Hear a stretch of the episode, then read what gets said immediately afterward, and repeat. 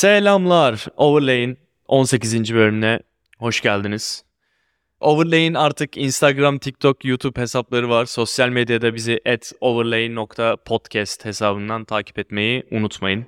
Bunu geçen bölümün sonuna koydum. Sonra Fucking sonunda kimse dinlemiyor. O yüzden bu sefer dedim başa koyayım belki bir şey değişir. Ama bugünkü konu neredeyse kariyerimin başlangıcından beri çok sevdiğim, işlerini, kariyerindeki yükselişi çok beğendiğim dostum Baseworks'ün kurucusu Baran Somaklı. Abi hoş geldin. Nasılsın? Hoş bulduk abi. Teşekkür ederim davetin içinde. Rica ederim. Ne demek? Hoş geldin. Şeref verdin. Bence Seninle geç bile sohbet kaldım. etmek çok keyifli. Eyvallah. Ben geç bile kaldım ederim. seni davet etmekte. Biz de bayağıdır görüşmüyorduk ama hani e, bir tekrar böyle geçmişe bakıp deyince ben diyorum zamanında Baran'la ne güzel böyle saatler boyu Starbucks'a Beşiktaş Starbucks'ta muhabbet ederdik. İkimiz de kariyerimizin başındayken. Şimdi o aldı başını yürüdü koca şirket sahibi oldu. Dedim bir tekrar muhabbet edelim. E, catch up yapalım. Abi bize seni tanımayanlar için kısaca Baran Somaklı kimdir? Kendini tanıtabilir misin? Tabii. Ee, Baran Somak'la 10 yıldır web işleriyle uğraşan bir frontend developer.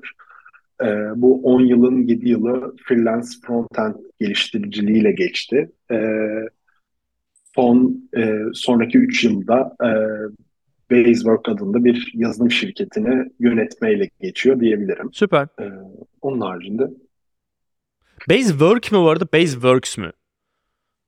Basework. Basework. okey Basework tamam. Studio. Aynen. Ha, okey, Aslında oradaki şey stüdyo yüzünden de birazcık karışıyor gibi geliyor. Ha, Ee, eyvallah. hani böyle şey 10 mailin ikisi öyle diyebilirim. Evet ben ben de çünkü notlarıma Baseworks olarak not almışım. Bizim de kendi markamız var Kaizen Fight Works diye. Muhtemelen oradan kafamda kaldı kusura bakma. Abi Olabilir. e, benim aslında bugün seni e, davet etmemin sebeplerinden biri bu freelance geçmişin ve e, freelance'ten artık böyle yavaş yavaş takıma, şirkete evrilme sürecini ele almak istedim ama bunun tabii hikayede bizi biraz geriye götürebilmen için kariyerin nasıl başladı? Yani freelancer'lığa ilk nasıl giriş yaptın? Biraz oradan bahsedebilir misin?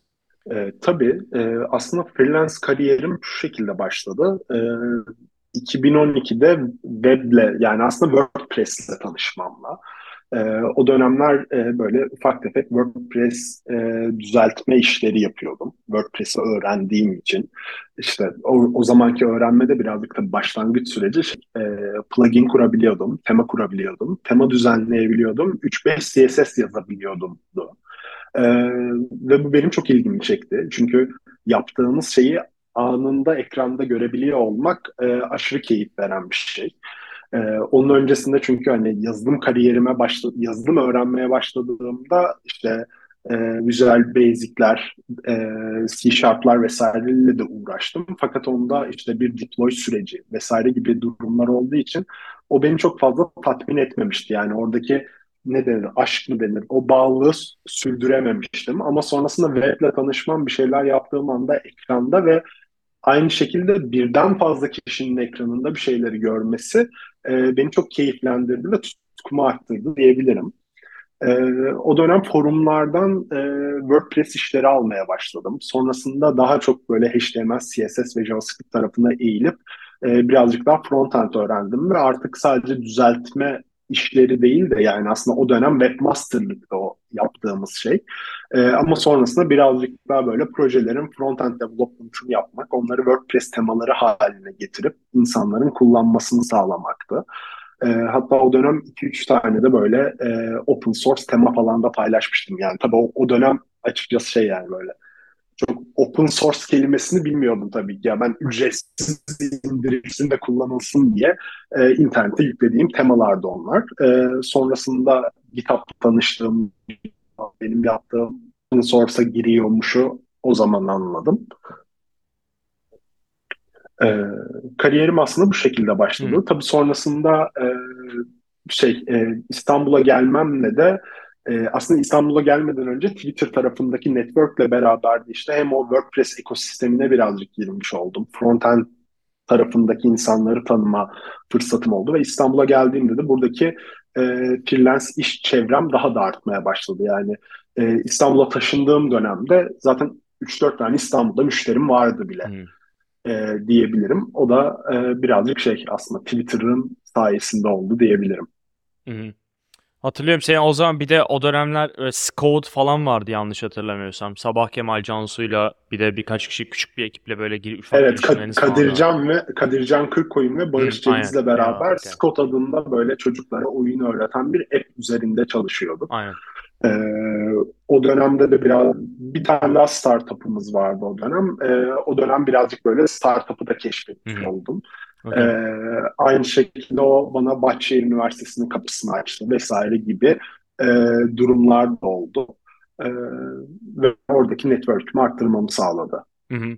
Peki full time düşündün mü hiç? Ya o dönem hiçbir full time girişimi falan oldu mu yoksa hep böyle başından beri freelancer gitmek hedefin miydi yani bilerek yaptığın bir şey miydi? Ee, yani full time bir dönem düşüncem oldu. Gelen birkaç teklifle beraber ama ondan sonra içime sinmedi. Yani çünkü şey e, birazcık kendi kontrolüm çerçevesinde olmasını seviyordum işlerin. Aslında bunu çok sonradan fark ediyorum. Ben aslında freelance'deki iletişim kanalını seviyormuşum. Ee, müşteriyle konuşmak, oradaki süreci yönetmek. Ee, diğerinde olsaydı yani e, yani o zaman proje yöneticisi olamazdım mesela. Ee, hani şey olarak developer olarak full time bir işe girerdim ve tüm odam kod yazmak olurdu Evet. gibi düşünüyorum. Ee, ama freelance olduğum dönemde o bana çok fazla iletişim kapısını açtı. Ee, ne kadar konuşmayı sevdiğimi öğretti. Ee, o gibi durumları var yani. Okey. Peki e, freelancerlıktan Basework'e geçiş nasıl oldu? Yani hangi noktada artık bu tek kişilik dev kadro yetmiyor, birini daha işe la- yani almam lazım dedin? Ee, 2019'da zaten Basework'ün kuruluşu da 2019. Ee, hatta e, işte Ocak'ta dördüncü yılını kutluyor olacağız Basework'ün. Ee, nasıl oldu? Ee, yani e, freelance çalıştığım dönemde dediğim gibi tek tek başıma development yapıyordum zaten. Ee, ama orada hani az önce bahsettiğim yine e, müşteriyle konuşma, e, işte şirketin olup onları fatura kesmen, muhasebeye ayın belirli günleri ve belirli, e, gün belirli vakitleri bir şeyler iletmen vesaire gibi operasyonlar da ortaya girmeye başladı. Hı hı. E, müşteri sayısı artmayla oradaki iletişim tüm günümü almaya, e, akşamları sadece development yapmaya başladım. E, bu da beni çok fazlasıyla yordu aslında. E, çünkü e, tüm sorumluluk bendeydi. Gibi bir duruma evirdi. E, 2019'da da artık müşteri sayısının artmasıyla beraber dedim ki e, buradaki işte ekibi bir tık daha büyütmemiz lazım ve zaten yıllardır hedefim oydu. Yani e, Basework ismi ortada yoktu ama hani ajans, stüdyo ben bir şey yapacağım. Hani burayı bir yere evirmem lazım gibi bir fikrim vardı. Sadece gerekli işte business modeli veya oradaki business know-how'ı alamamıştım bir türlü kendime. Ee, o da işte müşterilerle konuştukça vesaire e, gelişti ve e, 2019'da artık ekibi büyütme kararıyla bir kişinin dahil olmasıyla aslında Basework organizasyonu doğmuş oldu. Sanırım bir de bir ortaklık durumu oldu Volkan, Volkan Ölmez'le doğru mu? Evet. Ee, onu, onu biraz detaylandırabilirsen süper olur. Tabii. Ee, Volkan Ölmez'le e, tanışıklığımız aslında sektörden oluyor. E, pandeminin başında biz bir proje için e, Folin ofisinde bir görüşme yaptık. Onların projesi yazılım kısmını gerçekleştirmek için. E, sonrasında da güzel bir işbirliği ortaya çıktı. E, yaklaşık böyle kısa bir vakitte 10 proje falan yapmış olduk pandemi sürecinde. E, 2021 Mayıs ayı gibi de e, Volkan Ölmez bireysel olarak e, Basework'e co-founder olarak katıldı. E, ve bu süreç zarfında da aslında hani Folle çalışma e, sürecinde de hem Basework'ü yakından tanıma şansı oldu. Biz kendimizi ona iyi anlatmış olduk. E, kültürümüzü görmüş oldu. Ve 2021 Mayıs'ı gibi de ortaklığımız başladı. Folle ilişkisi şu an Basework'ün nasıl? Ayrı ayrı mı çalışıyorsunuz? Foll'ün atıyorum development işlerini mi Basework üstleniyor? Nasıl bir çalışma modeli var birlikte? Ya da komple ayrı mı? yani? E, komple ayrı aslında. E, hani dediğim gibi Volkan e, bireysel olarak Basework'e ortak oldu. E, Fol, Okey. Fol'ün bu ortaklıkta bir dahiliyeti yok aslında. Fol bizim çok sevdiğimiz bir müşterimiz. Okey. Hala da çalışmaya devam ediyoruz. Şu anda da aktif olarak beraber yaptığımız 7 proje var. Yine Fol gibi e, farklı tasarım stüdyolarıyla da e, yazılım partnerliği yapıyoruz. Yani biz yazılım işleri yapıyoruz o taraflara.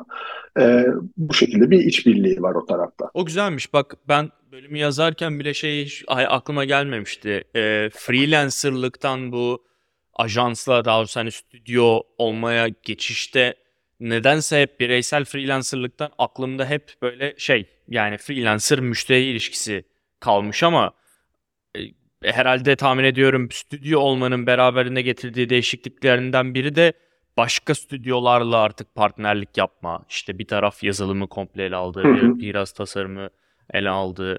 Onu biraz bir açabilir misin mesela? Başka yani Basework şu an başka bir tasarım stüdyosuyla nasıl partnerlik yapıyor?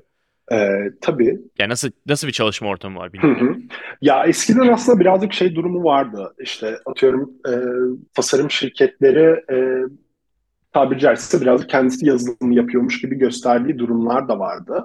Ama şu an yani aslında bunun sebebi de şeydi. Müşteri tek taraflı ilerlemesini istiyordu. E, ama şu anda e, iki taraftaki kulvarda da hem tasarım hem yazılım stüdyolarının kulvarında da e, şirketlerin kendini çok geliştirmesiyle beraber artık müşteri kategorisi de bence buna alıştı. Yani evet tasarımı biz burayla çözüyoruz, eski burayla çözüyoruz, yazılımı burayla çözüyoruz. Üç farklı partnerimiz var. Ee, üç, üç farklı yerden servis hmm. satın alıyoruz'a bence çok okey oldu. Ee, biz Basework olarak tasarım şirketleriyle şu şekilde çalışıyoruz aslında. Ee, yani e, onlar bize tasarım süreçlerinin başında da geldikleri oluyor. Veya işte tasarım sürecini bitirip de bize gelip ya böyle ekranlarımız var, e, böyle bir proje briefimiz var deyip hem müşteriyle hem onlarla yani biz işe beraber girdiğimiz, partner olduğumuz ve müşterimizin ortak olduğu vizyonuyla ilerliyoruz o tarafta. E, ve işte onların ekranlarını, projeyi inceleyip projeye giriş yapmış oluyoruz. Bu tarafta zaten işte hı hı. E, Figma, e, artık Slack'in işte connection özelliğiyle beraber çoğu ajansla Arsile'yi kullanıyor gibi olduk. Hı E, projeleri Aynen. beraber oradan yönetiyoruz. Geldiğinde adımlı yapıyoruz, toplantı yapıyoruz. Zaten artık hani pandeminin gerçeğiyle e, çoğu şirket remote'a ister istemez alışmış oldu.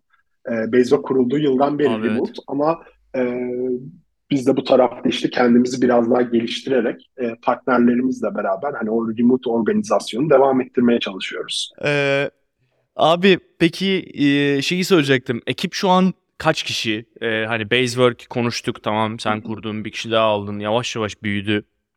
Şu anki durumu nedir? Basework kaç kişi? Ara sıra çünkü görüyorum LinkedIn'de falan ara sıra ilan paylaştığınızı görüyorum. Ve görüp şey oluyorum böyle. Daha da büyüyorlar. Kaç oldu ekip? Ne kadar büyüdü?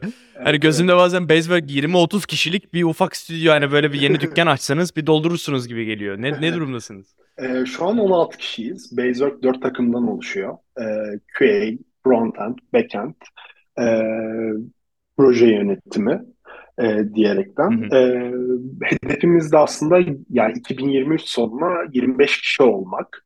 E, o yüzden de hala aktif olarak e, front-end ve back-end e, developerları için ilanlar çıkıyoruz düzenli olarak. Hı hı. E, hem oradaki hani yeni insanlarla tanışmak istiyoruz ekibimize katılabilmeleri için.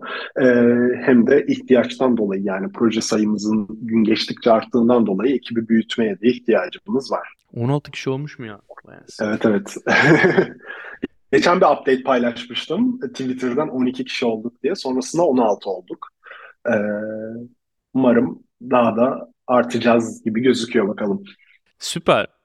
Ee, peki bu senin freelancerlıktan artık hani ajansa geçiş döneminde veya sonrasında yaşamaya başladığın farklılıklardan bahsedecek olursak benim aklıma gelenlerden bir tanesi senin yavaş yavaş artık bir yönetici pozisyonuna yükselişin. Hani biraz öyle hayal ediyorum. Yani ilk başta bir freelancer'dın, bir kişi daha aldın şirkete artık hani bir founder ve bir çalışan gibi oldu ama orada artık hani çok yönetici gibi hissetmiyordur diye tahmin ediyorum. Yani sanki Yok.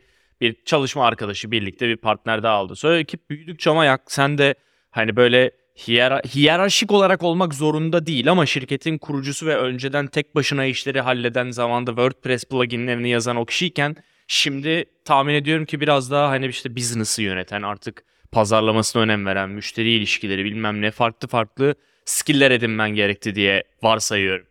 Ee, bir yerde artık ajans sahibi pozisyonuna evrilmek istiyor musun? Yoksa ekip ne kadar büyürse büyüsün işin mutfağında olmayı tercih edecek misin hala? Ee, yani aslında şey e, Basework'ün 6 kişi olduğundan beri bu savaşı veriyorum kendi içimde. Yani e, hani şey olur ya kendi içindeki bir e, münakaşayı yönetirsin sürekli böyle. Hani bir şeyin cevabını ararsın.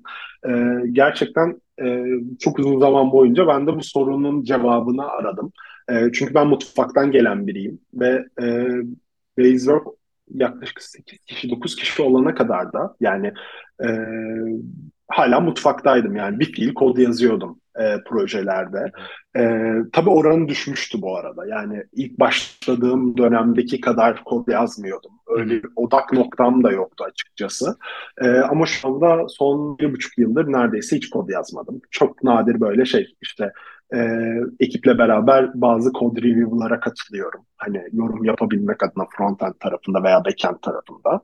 Ee, ama onun haricinde şu anda mutfakta değilim. Ee, aslında şey yani o sorunun da cevabını buldum bu arada. Ee, evrilmek istiyorum. Hmm, okay. çünkü konuşmanın başında bahsettiğim gibi o, ben freelance'deki de o iletişim kısmını seviyormuşum hmm. zaten.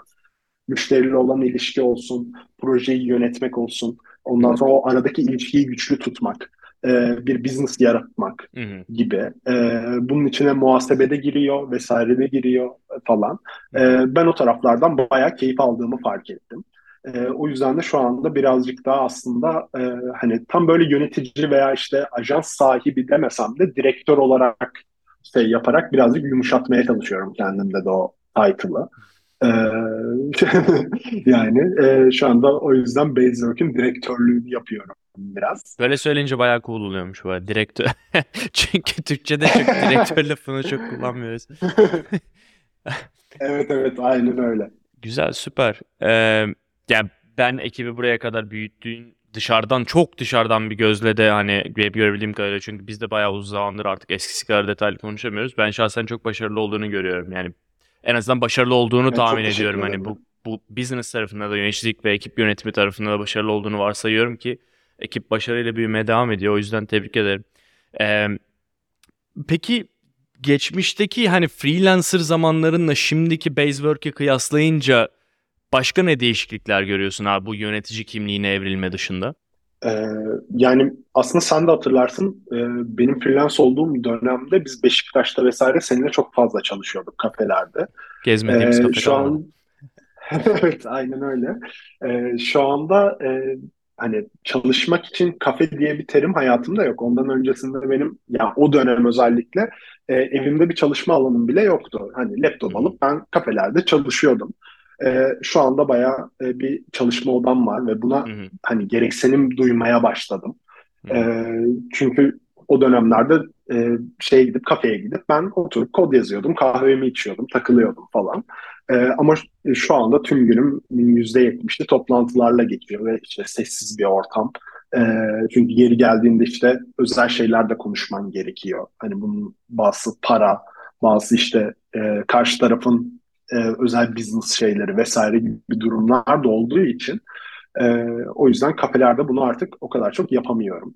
Yani birazcık Hı-hı. esnekliğimi kaybettiğimi hissediyorum. Çünkü şu anda şey e, işte sorumlu olduğum belli başlı insanlar var ekipte. Hani Hı-hı. onlara destek çıkmam gereken konular var. Ee, o gibi e, farklılıklar var şu anda aslında. Diğerinde Hı-hı. birazcık daha kendi kafama göre takılabiliyorken e, şu anda benden hariç 15 kişiyle beraber hareket etmeyi birazcık öğrendim diyebilirim. Şeyi nasıl yaptın peki? Bu da e, bölümü yazarken aklımda yoktu. Şimdi sen anlattıkça yavaş yavaş geliyor. Bu e, hani yavaş yavaş o yönetici kimliğine evrilme aşamasında koçluk falan aldığın oldu mu? Yoksa böyle sen de bir yandan şirket yönetmeyi kendi başına hani kervan yolda düzülür şeklinde mi öğrendin? Ee, ya aslında koçluk almadım ama e, geri geldiğinde insanlardan hani mentorluk aldım işte. E, belli başlı insanlarla çok fazla bu konuda sohbet ettim. E, aklıma gelen her şeyi elimden geldiğince sormaya çalıştım. Yani Hı-hı. cevabını alabileceğim. Onun haricinde aslında yöneticilikle alakalı çok fazla hala kitap okuyorum. E, araştırıyorum işte Medium'dan olsun şey olsun. E, Twitter'da full bununla alakalı insanlar takip ediyorum artık. Aynen. Ondan öncesinde full developer takip ederken şu anda e, o kategoride içerik üreten e, insanları listelerime dahil ettim. E, onun haricinde LinkedIn'de de yine aynı şekilde. Hani o tarzda paylaşım yapan ama hani şey gibi değil böyle. İşte bazı girişimci şeyleri var ya e, Instagram e, accountları falan hani o tarzda değil ama diğerinde daha çok böyle işte şu tool'u kullanarak bunu verimli hale getirdik vesaire hmm. gibi şeyleri takip ediyorum birazcık. Zaten ezeli beri aslında şey böyle şeyleri track etme alışkanlığım hmm. vardı freelance dönemden de. Yani hmm. o dönem bile e, hangi projeye ne kadar çalışıyorum, hangi case'e ne kadar vakit ayırdım, hangi task'e ne kadar vakit ayırdım gibi e, TOG üzerinden time track ediyordum. E, şu anda da yine Basework'ta aynı şekilde bu sefer Clockify üzerinden tüm takım bir şeyleri e, logluyoruz yaptığımız hmm. işleri. Ben aynı şekilde e, iş görüşmelerinden e, yeni iç partnerliklerine, proje görüşmelerine kadar oradaki tüm toplantı süreçlerini bile logluyorum ve onların hmm. notlarını alıyorum. Hani kendimi de bu tarafta iyileştirmek üzerine. Çünkü bir yandan hani ekip liderliğinin haricinde e, bu taraftaki pozisyonum e, o işleri bağlamak da hani biraz e, marketing ve satış tarafına da bakmam gerekiyor. İnsanları nasıl ikna edebilirim, o güveni hani şeffaflıkla nasıl verebilirim tarafına da bakmam gerekiyor. E, o taraflarda araştırmalarım devam ediyor hala. Yani bu zaten öğrenmenin sonu olduğu gibi bunun da sonu yok. Tabii, ee, tabii birazcık şey de var yani e, ne yalan söyleyeyim kervan yolda düzülür. Aa bunu hata yapmışım. Nasıl düzeltebilirim falan Tabii. gibi. Aynen. Ee, bir de şey de var zaten. Freelance dönemdeki çok fazla şeyi de karşılaştırıyorum ister istemez. Hmm. Burada ben bunu hata yapmışım. Keşke bunu böyle yapsaydım. Şu anki Basework'te bu daha rahat olurdu dediğimde çok fazla şey görüyorum. Keza aynı şekilde yani partnerlik yaptığımız tasarım stüdyolarının, yazılım stüdyolarının da işleyişleriyle hani sohbet ederek o taraftaki farklılıkları da anlamaya çalışıyorum. Aa bu şerefsizlerle keski çalışmasaydık falan diye mi yoksa? Yok yani, Yok şaka yapıyorum. Ya bunu nasıl çözmüşler falan diyerekten çok fazla e, işte Folden Volkan'ın, e, Creative'ın Erdemler'in falan kafasını kirlediğim çok oluyor. Ha eyvallah okey. Nasıl çözüyorsunuz falan gibi. eyvallah. Ee, benim abi böyle e, son seneler içerisinde e, yakaladığım trendlerden biri de yani bu ben seneler içerisinde yeni yeni bu gördüm bunu ama tabii bu asırlardır süre gelen bir alışkanlıktır diye tahmin ediyorum. Başarılı freelancerlar seneler içerisinde öyle de böyle bir butik ajansa dönüyorlar. Benim çevremde hani bir de yabancılardan da sosyal medyada da takip ettiğim kadarıyla influencerlar da hani freelancer influencerları da böyle onu öneriyor. Hani böyle işi nasıl büyütürüm noktasında hep bir e, subcontract yap abi. Sonra ekibine bilmem ki bilmem kimi ta- e, ekle falan diye. Bu peki hani her freelancer'ın kaderi sonunda ajans olmak mı? Ben onu merak ediyorum. Şey bir dünya var mı yani? Freelancer olarak hayatıma devam ettiğim, solo developer ya da solo tasarımcı olduğum Tabii ki de yeri geldiğinde atıyorum bana tasarımla development işi bir arada geliyordur. Başka biriyle partner up ederim. O baş hani freelancerlar kendi arasında birlikte çalışır ama yani illa ben işleri büyütmek için ekip B evrilmek zorunda mıyım günün sonunda? Ya bence gerekmiyor. Hani bu bayağı şey e, nasıl diyeyim bir seçim veya yol diyebiliriz buna. E, hani business modelinle ilgili. Onun haricinde yani freelance devam edip şirketlerle kontraktör olarak daha Hı-hı. büyük projelerde uzun soluklu çalışmak da bir model olabilir.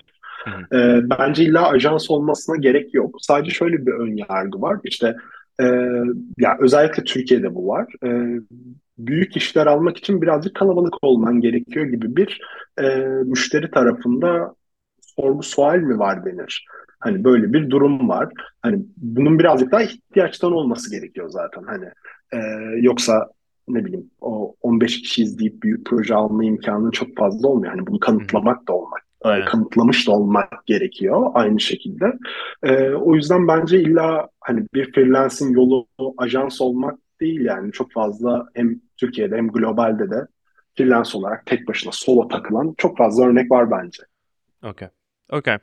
Çünkü ben ben freelancer olma gibi bir gayem yok ama o biraz onu görüyordum ya ya da ben Ben o influencerları çok takip ediyor olabilirim yani o da bir seçenek. E, Türkiye'de birkaç böyle çevremdeki freelancer'da işte Olcanlar falan da hani on, o da seneler boyunca tek freelancer, tek solo çalışıyor evet. diye bildiğim. O da ekiple işletti işte sizlerin e, evrilişini gördüm. Ee, ben de açıkçası hani bir yandan da böyle men, men, men, mentorluk görüşmelerimde de benle freelancerlık hakkında konuşan mentilerime de bu business modelini e, tavsiye ediyordum yani şey anlamında hani büyümek istiyorsan bir yerde partner edip yavaş yavaş ajansa evrilmekte fayda var diye şey yapıyordum ama bundan sonra şeyden de bahsederim mutlaka onlara da. Yani. yolda o değil. Yani ben bundan böyle bahsettim ama yani oraya gitmek zorunda da değilsin. ee, bu peki hani tamam diyelim ben şeye karar verdim yani benim için daha mantıklı olan model e, ajans olma, büyüme, solo takılmama artık e, modeli. O evrilme aşamasında hep merak ettiğim kısımlardan biri şu. Bu bu zamana kadar başka freelancerlarla çok partner up edememiş olmamın sebeplerinden biri de bu. E, hali hazırda benimle çalışan müşterilerim hep benim işimin kaliteli olduğunu düşündüğü için benimle iş yapıyor değil mi? Ee, ve beni de hani bu yüzden çevrelerine tavsiye ediyorlar. Başka yeni gelen müşteri de beni atıyorum Ahmet e, tavsiye etti diye bana geliyor. Ama şirketleşirken özellikle retainer müşterilere şeyi nasıl diyorsun yani artık işleri ben yapmayacağım. Yeni işte Basework'e yeni aldığımız işte Mehmet yapacak işleri. O, o kısımda nasıl müşterilerin soruları şeyi oluyor mu ya ama biz Baran Bey biz sizi beğeniyorduk. Hani sizin web işlerinizi seviyorduk. Artık Mehmet'e güvenebilecek miyiz? Hani o o o o diyaloglar nasıl geçiyor onu çok merak ediyorum. Ya orada bence en önemli olan şeylerden biri güven yaratmak. Yani hani oradaki açık iletişimi sürdürmek. Çünkü bu hani e, sonuna kadar o insanların işlerini sen yapamazsın eğer burada bir büyüme gayesi varsa. Ee, ve orada hani birazcık şeyi anlatmak gerekiyor veya hissettirmek gerekiyor diye düşünüyorum. Evet bu işleri ben yapmıyorum ama e, benim filtremden geçiyor. E, ve aynı şekilde o kalitede hani o sağlam temele dayalı şekilde ilerliyor. E, bu zaten bir süre sonra o ekip üyeleri de o filtreye alışıyor oluyorlar. Hani artık o elekten geçmesine gerek kalmıyor. E, çünkü ya bizde de öyle mesela hemen birinin işini müşteriye yollayacağımız hale getirmiyoruz. İlk baş Basework'in işte bir e, Basebook diye adlandırdığımız bir kural kitabı var. E, oradan kültürü bir öğrenmesini istiyoruz. Onun haricinde aynı şekilde ekibe katıldığında ilk görevi zaten e, işte bizim ilk değilimizden sonra e, proje yöneticimiz ona bir e, onboarding aşaması yapıyor ve ortalama bu 3-4 saatlik bir meeting sürüyor. E, son yarım saatinde ben de katılıyorum ve ben birazcık konuyu özetleyip bizden biraz daha detaylı bahsediyorum ki gelmeden önce zaten Facebook'tan işte maaş ne zaman ödenirden e, nakit avansı hani avans çekecekse ne zaman bilgisayarında bir problem varsa ne yapmalı? G Suite'inde bir problem varsa ne yapmalı? Biz Linear'ı nasıl kullanıyoruz? Figma'yı nasıl kullanıyoruz? Ee, bizde bir Slack e, kanalı nasıl açılır? ismi ne olmalıdır gibi şeyleri öğrenmiş oluyor. E, o onboarding süreci bittikten sonra zaten Linear'da üstüne ilk e, atanan test tüm ekiple yarım saatlik bir meet düzenle. Hmm. Tüm ekiple bir tanış. Zaten o tanışma esnasında sadece e, ilk tanışma olduğu için Goy Goy'dan daha çok iş dönüyor oluyor. Hmm. E, yani Goy Goy'dan kastım da hani bir e, duyu hani ekiple bunları da görüştüğüm için hmm. ilk 10 dakikası tanışma, neler yapıyorsun, hmm. nerelisin vesaire gibi. Sonrasında işte o adam frontendçi ise frontend işleyişini anlatıyor sana. Backend'ci ise backend işleyişini anlatıyor e, karşındaki veya proje yönetimini anlatıyor. QA süreçlerini anlatıyor. Onunla da eş düşebilmek için. Ve burada aslında bir elekten geçmiş oluyorsun ister istemez. Hı hı. Ve sonrasında artık e, bizim ekibin kod base'ini, kod standartlarını öğrenmeye başladığında birazcık daha müşteri işine gidebilir duruma gelmiş oluyorsun. Bizim kendi içimizde zaten hazırladığımız o e, kaliteyi tutturabilmek adına hazırladığımız birkaç tane proje var içeride ilk baş müşteri projesine çıkmadan önce onları tamamlıyorsun ve artık oradaki code base'i öğrenmiş. Hangi kalitede iş, nasıl kontrol edebileceğini, QA'ya gitmeden önce hangi işlemlerden geçmesi gerektiğini e, görmüş oluyorsun ve artık müşteriye e, Baseworks standartında bir iş gitmiş oluyor. Hmm. Ee, birazcık bunu ayırmak gerekiyor orada yani. Şu an yani şu an artık zaten müşteriler gelirken artık hani Baran'ın işleri ya da hani Baran'ı Evet. önermiyorlar. Basework öneriyorlar sonuçta bu saatten sonra. Bu arada o tam bir büyüme sancısı bu arada. Ee, o bizde mesela şey diyorlardı işte. Ya bunu baranlarla çözelim de ilk baş. Ee, ondan sonra sonra e, hani gün geçtikçe o kişide de ya Basework'le çözelim çünkü e, artık o projenin başlangıcında benimle görüşüyor. Sonra arada ben bir var oluyorum. Hani bazı toplantılara katılıyorum Tabii canım. vesaire gibi. Ve oradan artık şey ha, Baran ayrılıyor. Hani şey gibi böyle e, ne denir e, orada uzaklaşıyorum ben ve Basework dahil olmuş oluyor ve o ön yargı da kırılmış bir şekilde. Bu tamamen benim gördüğüm büyümenin sancısı. O ilk başta olabilecek bir şey ama ben Basework'te çok uzun sürmedi açıkçası. Hmm. Ee, ya sen yapmayacak mısın bunu e, demeleri. E, çünkü ya bir de şey de var tabii.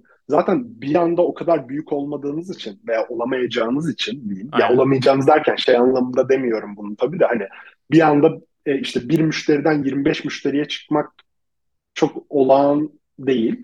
E, o sebeple zaten siz ilk 10 müşteriye kadar tüm müşterilerle yine ilgileniyor oluyorsunuz. Aynen. Ee, o yüzden de kimse onu fark etmiyor aslında. Sizin oturup orada kod yazıp yazmadığınızı fark etmiyorlar. Ee, kapamadan önce son bir soru şimdi aklıma geldi yine. Ben şeyi hatırlıyorum. Freelancerlık dönemlerimde ee, tabii benim hani ajansa evrilme gibi bir gayem şeyim yoktu. Solo takıldığım dönemlerde buna benzer yaşadığım sıkıntılardan biri e, atıyorum bir arayüz tasarım projesi var. Ben tasarım tarafını komple ben üstleniyorum. Müşteri bana geliyor, tanışıyoruz ediyoruz bilmem ne. Ee, mesela atıyorum o proje ve şey bir proje mesela enduro bilir misin bilmem. Motocross hani motocross diyeyim motocrossçuları ilgilendiren bayağı niş bir app böyle. Ee, motocross videolarındaki işte statlar üzerine yazılacak. İşte eğim kaçtı yüzde kaç yağmurluydu pist falan bilmem ne. Motocrossçulara özel bir video app'i tarzı bir konsept vardı. Orada mesela unique ikonlara ihtiyacımız oldu. Yani çünkü böyle işte eee, yağmur seviyesi. Yağmur yine su ikonu çok basit bir şey ama işte böyle eğim, yok işte zemin ıslak mıydı, çamur muydu, beton muydu bilmem ne miydi. Böyle bir unik niş şeyler için ikonlara ihtiyacımız oldu ve ben mesela atıyorum Turgay abiyle o dönem çalışmayı çok isterdim. Eee, ya da işte tanındık, bilirdik bir illüstratör, bir ikon tasarımcısı vesairesi ama şey hep zorlandığım bir şey oldu yani o projeye tamam ben kendi fiyatım üzerinden anlaştım Ke- kendim proje başına fiyat çektim ama sonradan işte atıyorum ikon tasarlayacak biriyle çalışsak bir benim kadar da o çekecek muhtemelen yani özellikle deneyimli hani iş- illüstratör iyi bir illüstratörse falan. O konuda freelancerlara tavsiyen var mı? Yani müşteriyi ekstra bir partnerle daha ikna etme. Yani bir partneri daha ikon tasarımcısı olabilir. Yazar, metin yazarı olabilir projeye eğer katkısı olacağını düşünüyorsan. O noktada freelancerlara tavsiyen var mı? Na- müşteriyi nasıl ikna edebilecekleri konusunda. Ee, aslında şey yeni bir iş ortağı katmaya tavsiyen var mı diye Evet yani konuşuyoruz değil mi? evet. Yani o proje pro, o proje bazında en azından ya. O projelik benim Turgay abiyle çalışmaya ihtiyacım var. Bize ikon tasarlayacak kendisi. Sen de müşteri ol Ahmet Bey. Ahmet Bey Turgay tanıştırayım. Turgay bizim ikonlarımızı çizecek. Sonra siz Turgay'la tanıştınız. Turgay da benim kadar fiyat çekti. Tabii müşteri de şey oluyor yani. Şimdi biz seninle tasarım diye anlaştık ama e, bir de ikon çıkardın başımıza. ne olacak bu iş? Yani Evet. bu benim hep Ya- sıkıntı yaşadığım şeylerden biriydi. Var mı bir olayı yoksa tamamen bütçeyle alakalı, müşteriyle alakalı bir mevzu mu? Onu merak ediyorum. Bence tamamen bütçe ve müşteriyle alakalı ya. Yani hani o e, zaten işi devam ettirmek isteyen ve hani nasıl diyeyim e, o tarafta o kaliteyi almak isteyen adam ona bütçede açıyor bir şekilde. Yani şu an bizim işlerde de oluyor aynı şekilde işte atıyorum e, biz bu proje için şöyle birine daha ihtiyacımız olabilir dediğimizde ya onun için bütçemiz yok diyebiliyor marka veya kurum. E, aynı şey freelance'in de başına çok rahat gelebilir. Hele freelance'da bence onu ikna etmek bir tık daha zor. Çünkü Evet. e, nasıl diyeyim yani iki ayrı bütçe var falan. E, çünkü ondan aldığını oraya aktarmak falan birazcık daha zor konular. E, o yüzden o taraf için çok fazla bir e, tavsiyem yok yani. Hani benim dönemimde hep şeydi çünkü yani e, UI'ın bütçesi ayrıydı, frontend'in ayrıydı Yok. ve biz o şekilde çalışıyorduk falan. E, hiç öyle bir case'e denk gelmedim mesela Okey. freelance olduğum dönemde. Okey. Eyvallah. Ee, peki kapamadan önce senin freelancerlara özellikle işi senin gibi büyütüp ileride bir ekip olmayı düşünenlere tavsiyelerin, söyleyeceklerin var mı? Tabii aslında şey birazcık bu tarafta şeyden bahsedebilirim. Ee, benim yaptığım hani sonradan işte bu şey tarafına, Basework tarafına geçtiğimde, işte, stüdyo tarafına geçtiğimde gördüğüm birkaç hata var. Ee, özellikle ben freelance olduğum dönemde hani bir iş bittiğinde diğerine geçmeyi hedefliyordum her seferinde yani.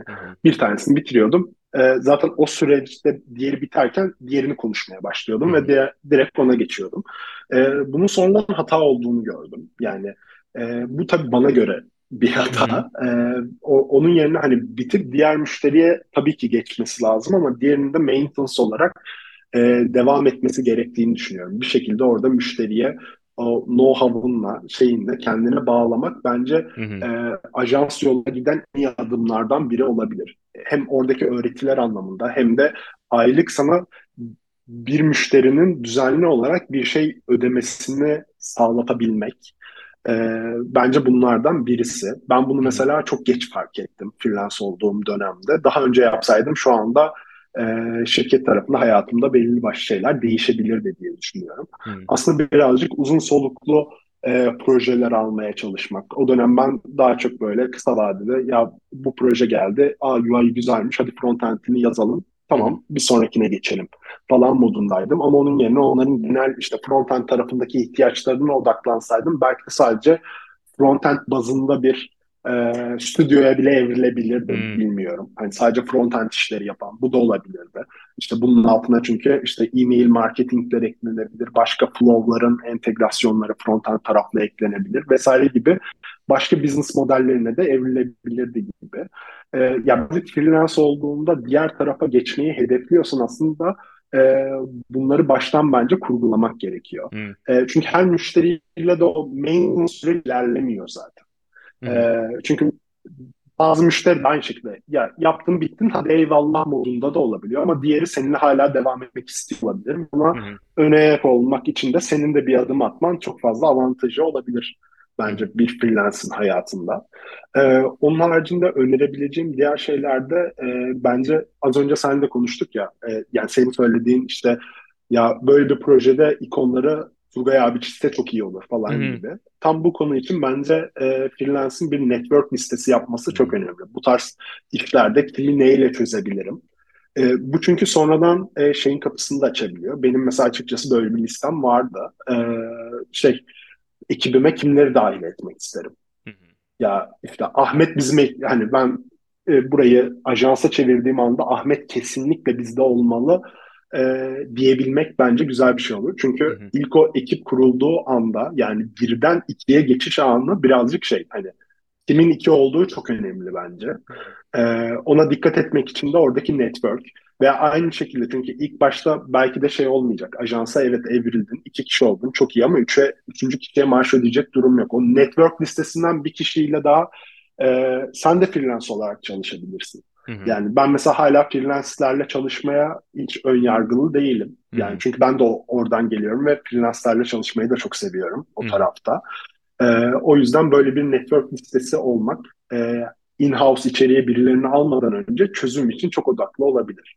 Ee, bizim Metaan diye bir backend developer'ımız vardı. Biz e, Basework'in ilk bir yılı full freelance çalıştık. Sonradan ekibe dahil olup bir buçuk yıl bizimle beraber çalıştı. Eyvallah. Ee, ama ondan önce bir yıl boyunca bayağı benim network listemdeydi ve biz onunla düzenli olarak backend projelerinde çalışıyorduk. Hı-hı. Sonrasında ama oradaki işte hem verimlilik hem şeyden dolayı, iş ahlakından dolayı biz onunla e, Basework'e dahil olmasıyla alakalı konuşmaya başladık. Hı-hı. Eyvallah. Süper abi. Çok güzel tavsiyeler. Teşekkürler tavsiyeler için. Ee, Rica ederim. Ne demek? Bunların beraberinde benim de aklıma gelen şeylerden biri benim Türkiye'de çok eksik olduğunu senelerdir gördüğüm şeylerden biri freelancing'e full time iş gibi bakmayıp hani freelancerlık bizde genelde özellikle bizim kültürlerimizde ekstra iş ya hep böyle yandan iş hani full time evet. iş. Kimse o hani business mindsetiyle bakıp işte customer acquisition falan kafalarına hiç kafa yormuyor yani bu konseptlere. Ee, o yüzden senin anlattıkların çok doğru onları düşünüp oralara gelebilmek için önce bunların hepsini ciddi bir business olarak ele alıp hani full time işinizin yanında bile freelance çalışıyor olsanız bence önemli. Yani o da ikinci işiniz. İkinci yani yan iş olmasında hiçbir sıkıntı yok ama yan işiniz de işiniz. Full time işin kadar belki full hani aynı vakti ayırman şart değil ama freelance işe takip ettiğim bir freelancer influencer var. Adamın ismini hiç hatırlamıyorum. Kayıttan sonra sana atarım. Ama onun önerdiği şeylerden biri ne kadar vakit ayırıyorsan ol. Hani full time işin freelance olmasa bile atıyorum yaptığın iş kadarını e, yarısını da atıyorum müşteri ilişkileri bir sonraki müşteriyi bulma bilmem neye ayarlıyor evet. şey ayırıyor olman lazım. Ee, ya bir de şöyle bir şey var. Full time freelance olduğunda şeyi de görmen gerekiyor. Çünkü tek kişisin ve birden fazla işin var. Ee, benim ne ne kadar vakit ayırdığımı görmem lazım ki ben ayda kaç proje yapabilirim. Evet. Ee, onu gördüğün zaman zaten şey oluyor. Birazcık daha işler oturmaya Hı. başlıyor. O zaman şeyi anlayabiliyorsun. Ya evet ben işte haftada bir gün network yapmalıyım atıyorum diyebilirsin. Yani işte İstanbul'daysan Cuma günü ben Levent'teki Collective House'a gideyim, insanlarla takılayım, tanışayım falan deme lüksün oluyor ama e, sen iş planını buna göre kurmazsan veya e, işte o full time e, metoduna kafanı evet. E, şey yapmazsan orada bunu yapamıyor oluyorsun. Evet. Çalışma saatlerini bile yani hani sen birçok insan mesela full time işin üzerine bir de freelance çalışanlarda şeyi çok görüyorum ya o freelance tarafı işin full time mesela atıyorum akşam 6'da net mesai bitiriyor. O günlük hayatına oturmuş ama evet. sonra freelance belli bir kısımda belli bir yerde olmadığı için gece de oluyor, hafta sonu da oluyor. O artık random ne zaman vakit ayırırsa ama bence tamamen bu şahsi görüşüm ama çok sağlıklı bir life cycle değil yani hani e, work life balansı ayırma konusunda. Özellikle orayı da work evet. olarak treat etmediğin zaman life'ının hani social şey sosyal hayatının içine girmeye başlıyor freelance tarafı. Hı hı. O da ciddi burnout sebebi bence yani. Ya tabii bir de e, orada şeyi de görmek gerekiyor. Ben herkese şeyi tavsiye ediyorum zaten. E, işte Toggle, Clockify gibi time tracking tool'larını kullanmanın önemini. E, özellikle şimdi mesela en son Rise diye bir şey çıktı ve bayağı e, işte eski Rescue Time'ın yapamadıklarını Hı-hı. falan yapıp daha güzel Hı-hı. analizler sunuyor. E, ben yıllardır kullanıyorum ve işte e, birinci yıl sonunda şeyi görmüştüm. Ya ben cuma günleri çok verimsizim. Hmm. Ee, o yüzden e, freelance olduğum dönemde bile ben cumaya iş bırakmamaya çalışıyordum. Cumartesi hallediyordum sabahtan ve daha işte böyle yarım günde tüm günlük işi halledebiliyordum. Ama cuma gerçekten yani ben her gün sabah 9'da bilgisayarın başına otursam da o cuma günü bitmiyor bende. İşte yapamıyordum o dönem. Ee, birazcık bunları analiz ederek gördüğünde daha iyi planlara sahip olabiliyorsun aslında. Ben takip edemiyorum ya. Ben takip etmeye çalışınca bir haftalık raporun, bir, bir aylık raporun sonunda sen ADHD'sin yazıyor benim raporumda böyle. Çünkü bakıyor bir hafta salı günü verimsizim, bir hafta cuma günü verimsizim, bir hafta bütün hafta verimsizim. Ee, yok yani time tracking çok nefret ettiğim bir konsept abi ya. Hiçbir zaman çok çok fokus zonlarım çok random çünkü yani. Ee, işte insandan insana birazcık değişiyor bence evet, yani. Senin senin o konuda çok şey tutarlı şey olduğunu biliyorum yani. E, tutuk olduğunu biliyorum ama senin için işe yaradığını da biliyorum yani o yüzden. Yani işe yarayan. Ya çünkü şeyi öngörmek çok hoşuma gidiyor. Bir sonraki proje yani benzer bir proje geldiğinde Basework'ta kullanmamızın sebebi de o birazcık. Ee, benzer başka bir proje geldiğinde biz bir öncekini kaç saatte yaptık? Hı-hı. Bunun bir ortalaması var ve ona göre hani müşteriye asla e, işte sapmayacağı bir de- deadline'ı önerebiliyor oluyoruz. Eyvallah. Süper. Ee, başka eklemek istediğim bir şey var mı abi? Benden bu kadar. çok teşekkür ederim. hem davet ettiğin için hem güzel sohbetin için. Uzun evet. zaman sonra sohbet etmek bile çok keyifliydi. Vallahi çok güzel oldu. Fark ettiysen kapatamıyorum da yani. Hani bir şeyler gelmeye devam ediyor. ee, Başka eklemek istediğim bir şey yoksa bölümün sonuna geldik. Ee, dinleyicilere çok teşekkürler. Bana da davetimizi kırmadığı için tekrardan çok teşekkürler. Ben ben geç bile kaldım kusura bakma. Bence daha sonra başka Yok, bir bölümde tekrar buluşup freelance'in başka detaylarını konuşalım. Ee, seni ve Basework'ün işlerini sosyal medyada insanlar nasıl takip edebilirler? Ee, Basework'ü at Basework Studio e, kullanıcı adıyla Beni de et Baran Somakli ile takip edebilirler. Ee, bir şey sormak isteyenler, tanışmak isteyenler, muhabbet etmek isteyenler de baranetbasework.studio e-posta adresinden bana istediğiniz zaman ulaşabilirsiniz. Süper abi çok teşekkürler. Beni de et n seçkinor alt ile Twitter'da veya podcast'i at overlay.podcast şeklinde Instagram, TikTok, YouTube her yerde bulabilirsiniz. Bölüme subscribe, like, follow, review artık paşa gönlünüzden ne kopuyorsa bırakmayı unutmayın. Sağlıcakla kalın. Görüşmek üzere.